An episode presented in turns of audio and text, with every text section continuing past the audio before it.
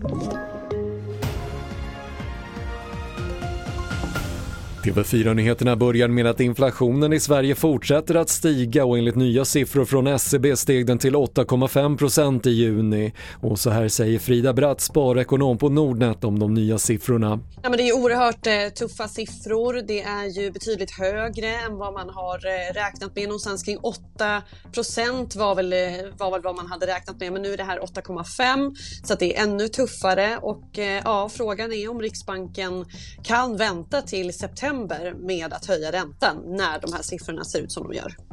Efter skoldådet i amerikanska Uvalde i Texas i maj har kritiken mot polisen varit hård. Nu kommer krav på att poliser som i en video syns avvakta medan dådet pågår ska straffas men stadens borgmästare säger att det är för tidigt att besluta om några poliser ska stängas av. Och flera sjukhus återinför restriktioner för närstående besökare när spridningen av coronaviruset ökar. Enligt Dagens Medicin gäller det bland annat Norra Älvsborgs länssjukhus i Trollhättan och Uddevalla sjukhus där antalet covidpatienter fyrdubblats de senaste tio dagarna.